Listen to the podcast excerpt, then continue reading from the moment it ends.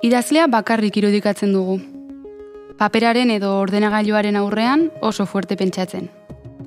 Bada neurri batean lan bakartia, baina ez erabat. Idazleak bere lana fintzen lagunduko dion kidea izan ohi du gertu. Aliatu bat. Bere alde edo behintzat literaturaren alde eginen duena. Editorea.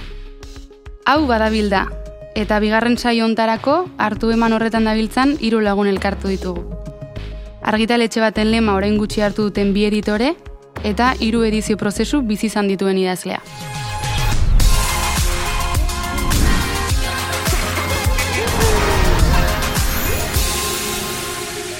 Garazi arrula idazle itzultzaile eta editore eta faiarra da. Txalaparta argitaletxean jarduten du editore gisa. Editorea da usu errazkin ere. Erein argitaletxean zehazki, irakurle amorratua izanik ere, ez ustean heldu zitzaion proposamena iruindarrari. Honezkero, bi urte egin ditu zeregin horretan. Lizar Begoña Sopelazterra ez da oraingoz behintzat editorea, baina beste aldea, idazlearena ondo ezagutzen du. Bi poema liburu argitaratu ditu, susa argitaletxearekin bata, balea zuriarekin bestea. Eta orain, lehen eleberria ari da ontzen. Elkarrek plazaratuko du. Eta anabasa honetan gidari eta bidelagun, amets, aranguren. Kaixo, kaixo irurei ongi etorri, eta eskerrik asko gure gombitea onartzeagatik. Editorea, edizioa, liburu gintza, uste dut, ez dakitola ikusten duzuen zuek, igual barrutik mundu hori zagutzen ez dugun ondako, e, badelaneko misteriotxoa den mundu bat. Gaur saretuko gara, zuen laguntzarekin argi pixkat ematen e, horri, eta, eta seguro laguntzen diguzuela. Usu ezurekin hasiko naiz, 2008 batean hasi zinen eringo editore lanetan, aurrez igual argitaletxe baten barruko dinamikak gehiagi ezagutu gabe. Ez dakit, eh, espero zenuen hortatik orain praktikan ikusi duzun horretara e, tarte handia egon den edo.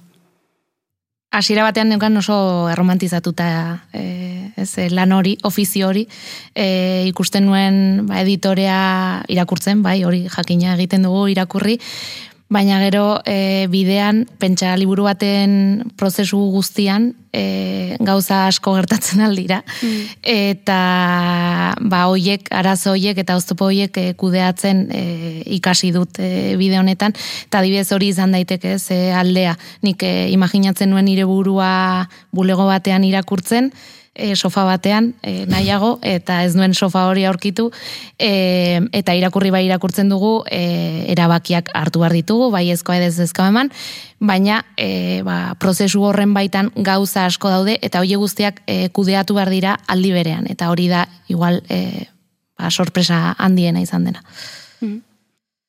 Lizar, zuritu gatzen zaizu gaur, e, editore ez diren idazlen ordezkari izatea. E, editorearen figura hori, kanpo begirada hori, estimatzen da eta eta beharrezkoa da, imaginatzen dut, baina, baina badago beldur bat pixkatere igual, komatxo zurea den lan hori beste baten eskutan mm usteko orduan. Bai, nik uste e, bietatik badagoela zerbait, ez? Alde batetik uste dut hori asko estimatzen dela kanpo begirada bat, gainera edizio lanean esperientzia duen pertsona batena, eta probat prisma e, irakurle eta eta idazlearen arteko prisma zabalago bat duen e, ba, begirada bat, eta nik, e, bueno, orain arte izan ditudan e, argitalpen lanetan, ba, eskertu izan dudan figura bat izan da, eta asko lagundu didana.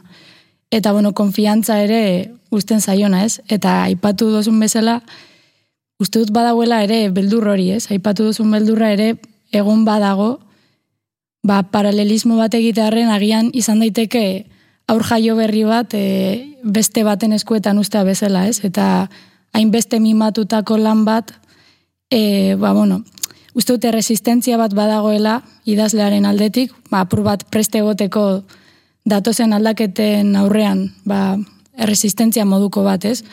Ba, uste dut osasuntzua dela, alde batetik nortasuna, mm, norbere nortasuna edo idazlearen nortasuna edo lanak apur bat bere horretan jarraitzeko, baina bai, ba hori, e, ba, konfiantza izan behar dela batzutan, ba, beste begira da hori, ze batzutan idazleaz da heltzen, beste perspektiba horretara, ez, orduan, bueno, bietatik dago, uste dut. Bale.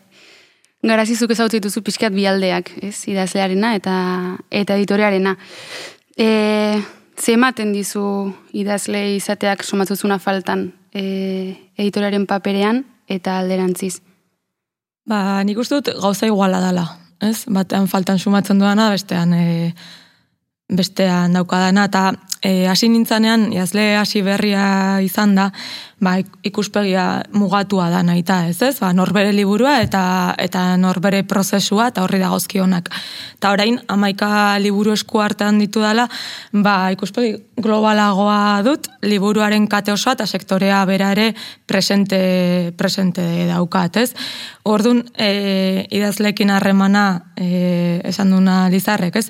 Zaintzekoa da, gainera kontra esan handia baita, e, ontatik ezin bizi izatea idazlek, e, baina e, gure kasuan e, tradizio luzeko e, argitaletxe bat izan da, txikia eta independientea, ba, harremana zaindu nahi dut ere imprentarekin, e, liburu dendekin, irakurleekin eta barrez, eta, eta praktikara etorrita bazkenean e, lana akompainamendu bat da, e, ba, bueno, ba, idazleari, itzultzaileari, e, ilustratzaileari bere lanean e, laguntzen diogulako, ez? Orduan, e, bueno, bazuk aipatu aliatu figura edo e, holan ikusten bada gaizki ez.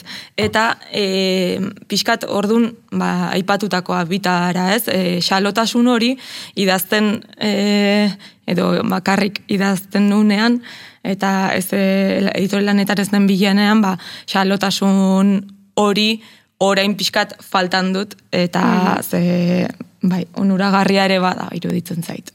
Mm Editore batek, editore lanetan ari denean, e, nunko gatu behar ditu bere guztuak. E, prozesu hortan badute lekua, ez, alde batera uzten baldin baditu, zeren alde egin behar du edo noren alde, irakurlearen alde, idazlearen alde, ze, ze leku dute pixkat zaletasun horiek e, lan hortan? Nire kasuan, bueno, bilatzen dudana da lan honetan oreka. E, nire gustuek e, ba, bueno, garrantzia daukate, bai batzuetan e, nire gustokoak diren idazleak edo e, bai, kasu honetan itzuli izan ditugu, ez? E, nik igual aukeratu dalako, ba, gustoko dut eta hau nahi dute euskeraz izan, ez? Hori alde batetik eta beste alde batetik, ba, begiratu bartzaio ba, merkatuari eta eta irakurleari azkenean bos, e, indarrean dauden e, joerak, pixka bat e, hori jarraitu, ez? E, nazioarte mailan egiten denari eta batez ere irakurlek gure kasuan, ba, eskatzen dutenari, ez? E, jarraitu eta eta hori bilatu. Horeka bat. -hmm. Bai, ados nago, bai, e, usuek esan ez da posible e, guztiz baztertzea, norberaren filiak eta fobiak, hori esaten kontrako esaten duna gezurretan dabil, e, lortu behar dena da, igual horiek ez gaitzaten determinatu, ez, edo, edo gidatu erabakiak hartu behar ditugunean.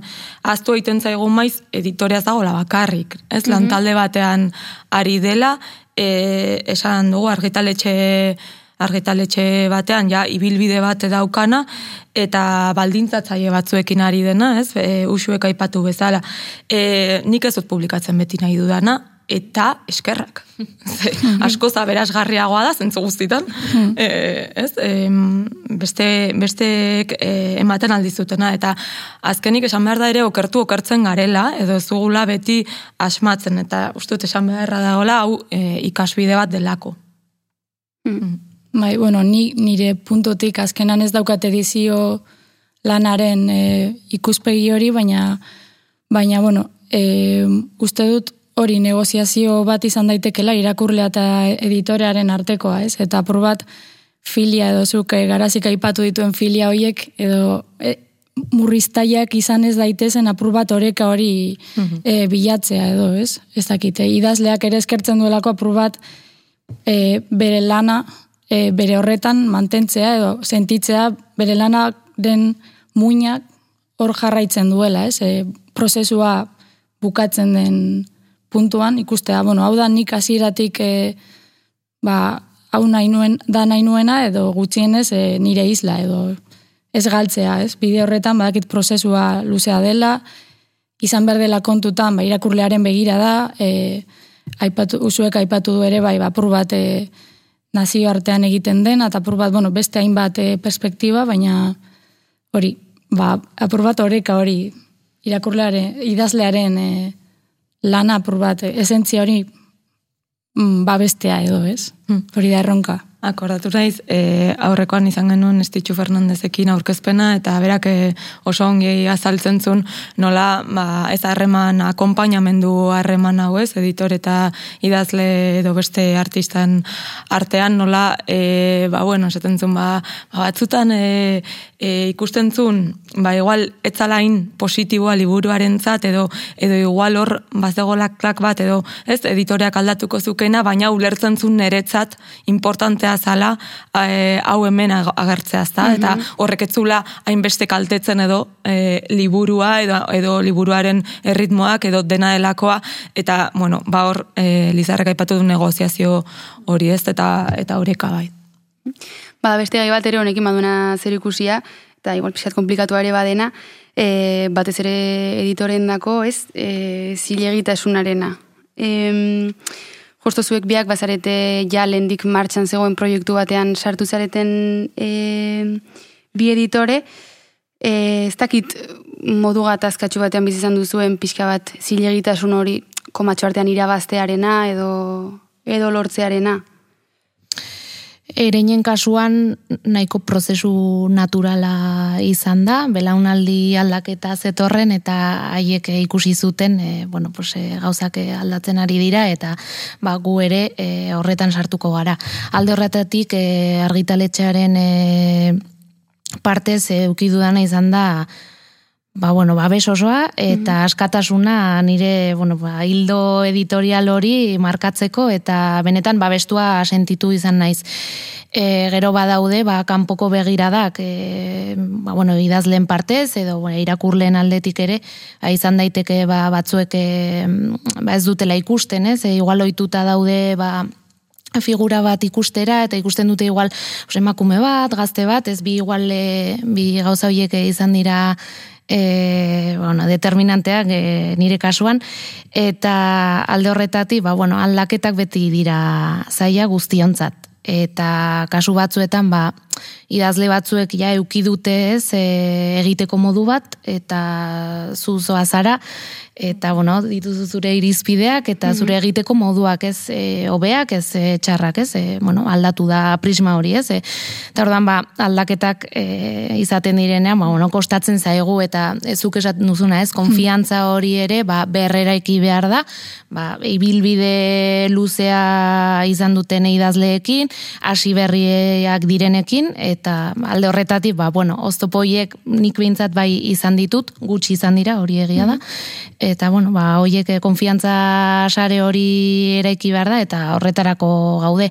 Baina bueno, e, gero badago ere ba, zuk zeuk egiten duzu e, irakurketa, ba, impostore sindromea, eta mm. zer egiten dut nik hemen, e, gauean etortzen zaizkit mamuak, ez, e, zer dakit nik, ez, e, besteek ez, da, ez dakitena, ez, eta zer gaitik nik e, aipatu behar dizkiot, e, aholkoak eman idazle bati, ez, bos liburu dituen idazle bati zer esango diot nik, zer... E, esango dut zer e, karpen egingo dut mhm. horretan, ez? Baina bueno, hori betikoa da eta emakumeen artean gainera sortzaileen artean gertatzen da. Mhm. Bai, gainera ofizio hau jardunean ikasten da, ez? Ez da ez da bueno, hemen behintzat gurean ez da ikasketarik, eta eta beraz, ba, prozesu bat da, eta eta bidean ikasten duzu. Eta funtsa da, azkenean, mesfidantza edo resistentzia horiek e, albo batera usteko da gauzak ongi egitea. Eta esan nahi lan egitea, eta ez duzu besterik, eta nahi duenak ikusiko du. Gero, saretzea ere garrantzitsua da, eta, eta bueno, pertsonaletik, ez, usuek esan duna, eta, eta bueno, guk ere, guk geuk ere nori ematen diogun autoritatea ezta? Mm elkar zaintza bat iruditzen zait badagola, naiz eta norberean dabilen, e, lanaz lepo gabiltzalako denok, eta e, nik adibez hau jotzen dut galdetzera. E, dakienari galdetzera eta dakienari entzutera. Eta iruditzen zait hori oso, oso importantea dela onartzen baititut nire mugak, haunitzirenak, eta baina horregatik ez gure burua gutxietxiko edo zean ez, ba, bueno, makalaldiak denok ditugu, eta zer egiten dugu hemen, bale, denok, baina ez dugu, ez, baina azkenan, e, bueno, ba, txandakoa galdetuz eta entzunez, ba, ba, holan ikasiko dugu. Eta iruditzen zait urtetan, elikatu dugula e, editorearen figura bat, ez oso osasungarria edo jasangarria inkluso, ez? Eta orduan ba iruditzen zait gaur egun pixkat koralagoa bihurtzen ari dela hori eta positiboa dela. Mm. Zuk lizarri zu idazle, idazle gisa, zilegitasun hori aitortzen diezula editoriari edo orokorrean aitortzen, aitortzen zaiola? Ba, nik apur bat, zuen hildotik apur bat jarraituz, e, uste dut e, eskertzen dela edo estimatzen dela apur bat, editorearen figura apur bat zaurgarria ere ikustea alde hori, ez? E, ez ikustea editorea figura trinko eta eta jakintzu bat bezala eta eta hori nik uste ni e, neuretik eta agian beste idazle asko edo sentituko dute, ez? Ikustea e, bidelagun bezala editorea horrela ikusten denean nik uste dut e, harreman osasuntzuago bat izan daitekela e, idazlea eta bere lana eta editorearen artekoa. E, bai, e, azkenean agian ez, ez izatea ahots oso ez dakit nola esan. E, autoritario. Autoritario bat. Orduan polita da edo gutxienez eskertzen da e, orain aipatu duzuena ba gustatu zaiten zutea ba ikusteko apur bat e, izan daitekela ez dela zuria edo beltza, ez? Apur bat e, zerbait mugikorra, amorfoa mugitu daitekena, ez? Orduan, Ba, Baina guk kakatsak egiten ditugu, batzuetan edizio lanean, ez? E, igual e, gauza bat e, ez aurkatu, ba, probatu, aber e, ongi ateratzen den, gaizki atera, eta esan, ba, ba, igual bide honetatik ez, yeah. eh? igual beste honetatik, eta orduan, ba, bueno, ba, zaurgarritasun hori ere, erakusa eta islatzea, nik uste ez, mm -hmm. ez dagoela gaizki. Ba, ba justo, mm. Bai, ez nik uste bi aldetatik daudela beldur handiak, ez? Idazleak baditu bereak eta bere resistentziak eta editoreak ere e, bere resistentziak eta beldurrak. Eta hor nik uste hor e, harreman osasuntzu bat bilatzea dela klabea edo ez dakit, apur bat e, Eta helburua da berdina gainera, osea guke nahi duguna da zuek ongi egotea eta egin duzuen e, horretaz ba arro sentitzea gu sentitzen garen moduan. E, azkenan ba idazle asko daude, e, idazle bakoitza mundu bat egiten duen liburua beste mundu bat, mhm. eta alde horretatik nahi duguna da e, hor egon eta lagundu edo zertan, eta ateratzen denean eta publikatzen denean, bartzen dugu, honetzakit garazi, zuri ere gertatuko zaizu, hartzen dugu sekulako poza. Osa, mhm. liburua heltzen zaigunan da, begira, beste aventura bat, beste idazle batekin ez. Mm Justo hori gadetu behar nahi zuen orain, ea, bueno, imaginatzen duela harreman hori oso berezia dela, eta ina batean baldintzatu ezakela bai prozesua bera, baina baita inkluso emaitza ere ez, e, aipatu dituzu harremanak zaintza, ez dakit modu konsiente batean e, zaintzien dituzuen harreman hoiek edo...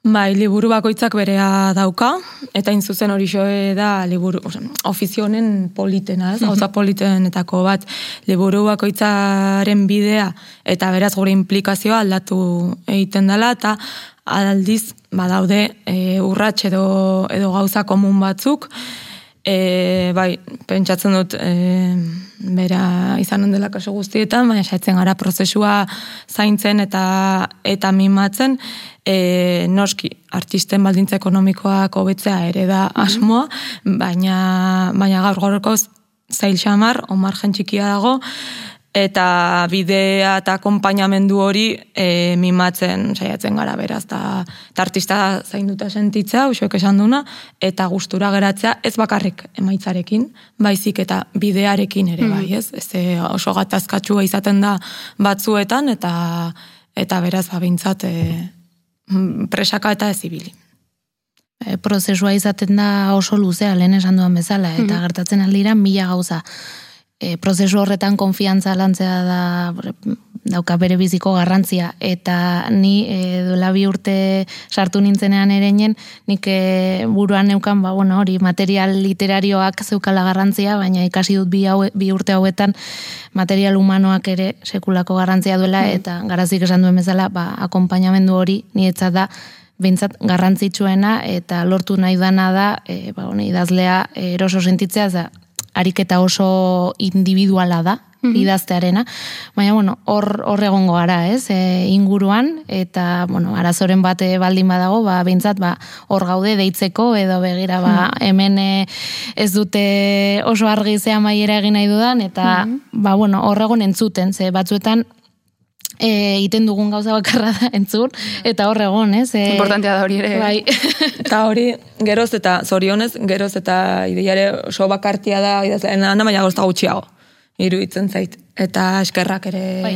horri eta pixkat ikusten dela ez dela bera bakarri baizik eta horrez izan ditun e, influentziak, solasak, mm -hmm. irakurketak, besteekin konpartitutakoak eta eta hartutako kafeak, ez? Hori ere bai.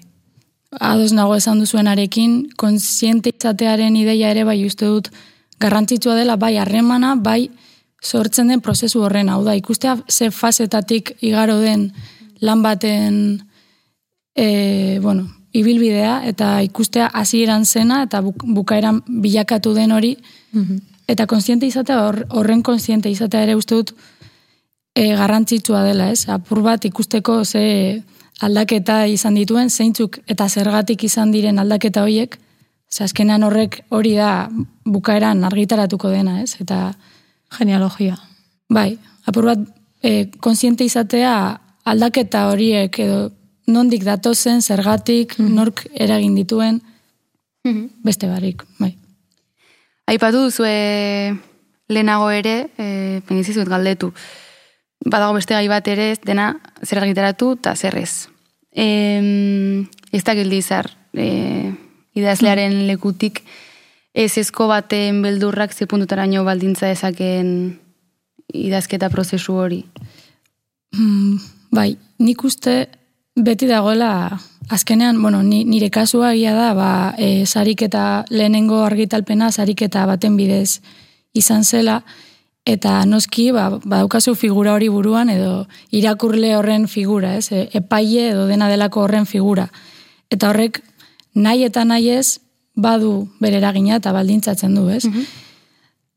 Dena dela nik uste dut, e, ni saiatzen naiz, e, eta hitz egiten dut, ba, nire puntutik, eh? ni bai saiatzen naiz, alik eta eragin gutxien e, izatea figura horrek, ez dudalako nahi ere idatzi ba, garaiari lotutako e, eta azkenan egiten da, eh? nik ere baditut nire zeharkatzen dauten e, ba, ez dakit, zelan faktore batzuk edo eta eta egiten dut nire garaiari lotutako edo zer baina ez nuke nahi horrek e, baldintzatzea ba gehiegi edo mm. Ez e, gure aldetik bueno e, azken oso zaila da ez ezko mm. bat ematea e, badakizu idazle horrek eman dizuna dela honena eta mm, pasio egin duela bere bihotzu garri duela hor, eta zuzoaz, eta esaten diozu ez ez. Hmm. Bueno, ze aurpegirekin esaten diozu ez ez, gainera. E, ematen dituzu arrazoiak, ez? Badaude, bueno, e, arrazoi batzuk, argudioak ematen dituzu, baina badakit e, azkenean e, horrek e, mina sortzen duela, ez? E, zuke hainbeste jarri duzun horretan, hmm. ba, norbaitek ez, irugarren pertsona batek esaten dizu ez duela balio. Igual ez du horrela esaten ez, ez du balio edo e, gaia e, askotan aipatu da, edo mm, e, igual egiteko idazteko moduak ez dauka ez dago asebete, edo, edo dena delako ez, arrazoiak izan daitezke e, milaka. Baina, bueno, e, alde horretatik, ba, guk uste dut badakigula, ez, zer den e, ez ezko hori ematea eta jasotzea, eta alik eta ba, ez modu honenean eta e, saiatzen gara egite, baina, bueno, badakigu zaila dela. Mm Bai, ados, zut errepikatuko. E, eta, bueno, san bezala batzutan ez dugu asmatzen. Eta esaten ditugu zezkoak, eta gero da mutu edo, edo aldre ez? Gainera, beti gabiltza lan ez lepo, eta ez da, ez da bat ere onuragarria, esan nahi dut ez, ez, ez, ez du gauza honik ekarriko presaka, presaka ibiltzeak, baina e, ala ibiltzen gara. Ta alere, e, sinesten dugu ez, e, egiten dugun hortan, iruditzen zaigu badaukala balio simboliko, balio material eta kultural eta bar eta bar, bat, e, baina, bueno, ez du gaztu behar ere orain Pamilak al- eh, duela gutxi argitaratu zuen e, nutxio ordineren alferrikakoaren balioa, eta, bueno, pixkat, ba, balio hori ere batzutan aztu egiten zaigu, iruditzen zait, eta horre bidere eman beharko genioke, batzuetan edo behintzat saiatu edo balio estetiko utxean e, fijatu eta iruditzen zait askotan oso uniformizaziora jotzen dugula edo edo gaur egun panorama pixkat e, hori dela, ez? E, aurreko batan entzuten nion e, itziaro garteri aipatzen Xabier Gantzarainen e, saldi bat, justo dut zulo atera zenekoa zala, eta esaten zuen gaur egun ez da ezer sedimentatzen. Ez da, iruditzen zait gaur egun ordukoa da, baina berdin balio duela gaur egun, eta iruditzen zait batzuetan joko beharko genukela ere e, editoreok, e, gure kasuan, sedimentazio horren bila, ez? Eta, eta pixkat aztuxea ere baduguna. Entzun izan dugu ez, Euskal Herrian badelagian idazle gehiago, irakurle baino, ez dakit hori egia den, ez? Baina, bueno, hori aipatzen da. Ez dakit eh, horrek pistarik ematen duen panoramaren inguruan, edo badiren beste gauza batzuk, ez dakit, panorama den bezalakoa izate egiten dutenak.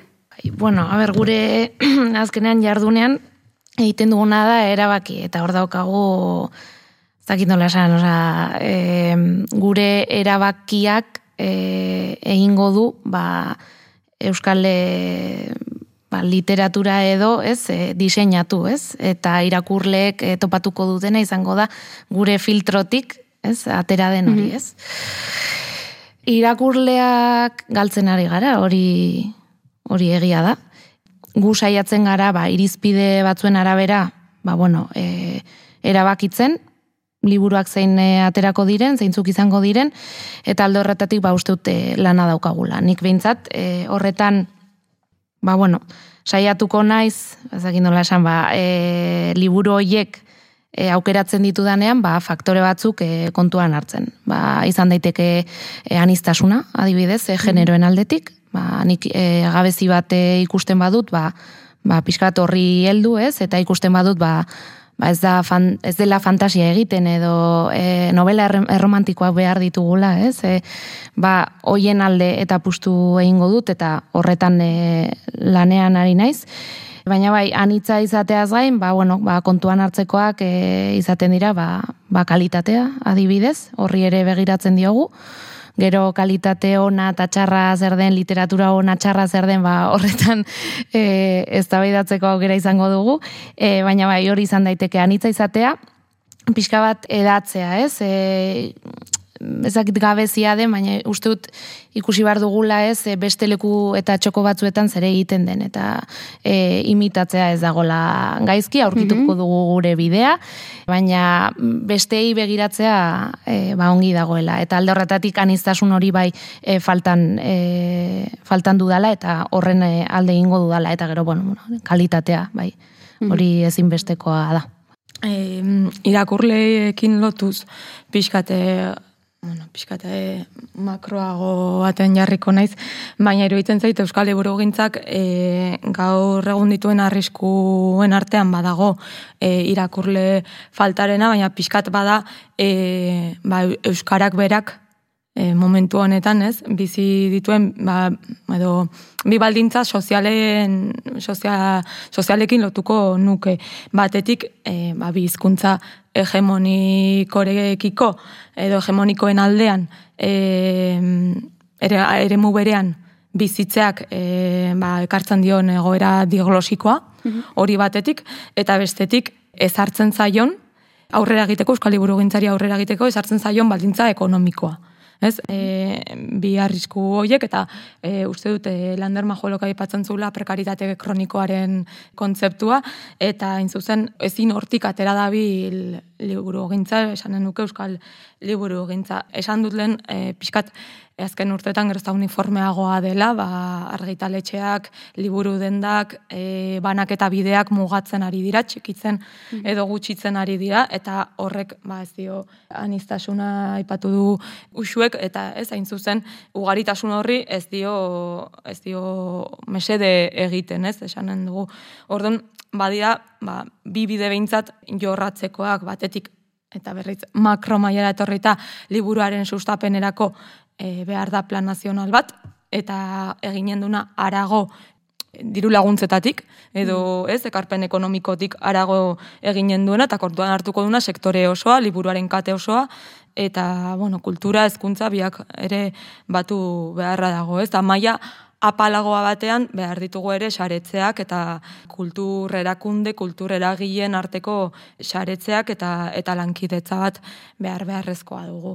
Eta hortik, ba, gero, ba, irakurleak edo irakurketa planak eta eta barrez horiek ere sus, etorriko da, baina pixkat badago nahiko panorama hmm. zerrobetua hor. Nik eh, garazik eh, makrotik begiratu du, nik mikrotik eh, zerbait eh, eranztearen edo, bai, nik bai bizi dut apur bat irakurleen panorama, nik ezin goneuke esan agian liburu gintza, euskal liburu gintza nola dagoen edo, e, handi geratzen zaitu uste dut, baina mikrotik esan nezakena da, bai, e, poesia eta euskeraz, e, aipatu duzuen bezala, ba, hori, e, bi hizkuntza hegemonikoren artean egoteak badu eragina, eta idazle bezala, bai, e, nabari dela, irakurle klubetan edo egiten diren liburuaren ibilbideak ere apur bat izan daiteke ba, e, generoa, generoagatik edo dena dalakoagatik, eh? baina ibilbidea geratzen dela apur bat e, bueno, e, gutxi ez daukala oi hartzun handirik mm-hmm. edo geratzen dela apur bat hor anekdota bezala, ez? Mm -hmm.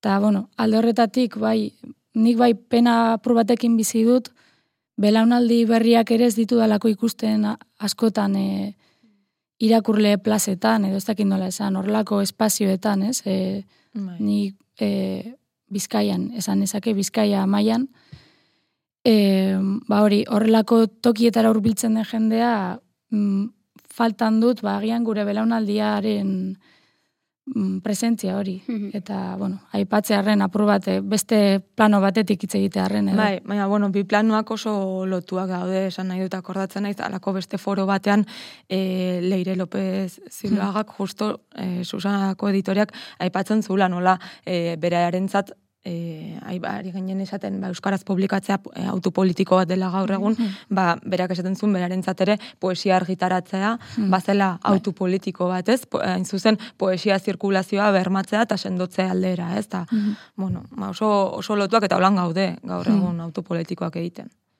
Bueno, orduak eman genitzake honen bultan izkietan, baina denbora mugatu dugu eta gaurkoa e, bukatu zaigu azken galdera bat joan aurretik, e, ez dakitzuek, bueno, heldu zaigu, azken, bueno, asteotan e, imprimategietan pixkati biltzen direla lan ez lepozuek ere bai.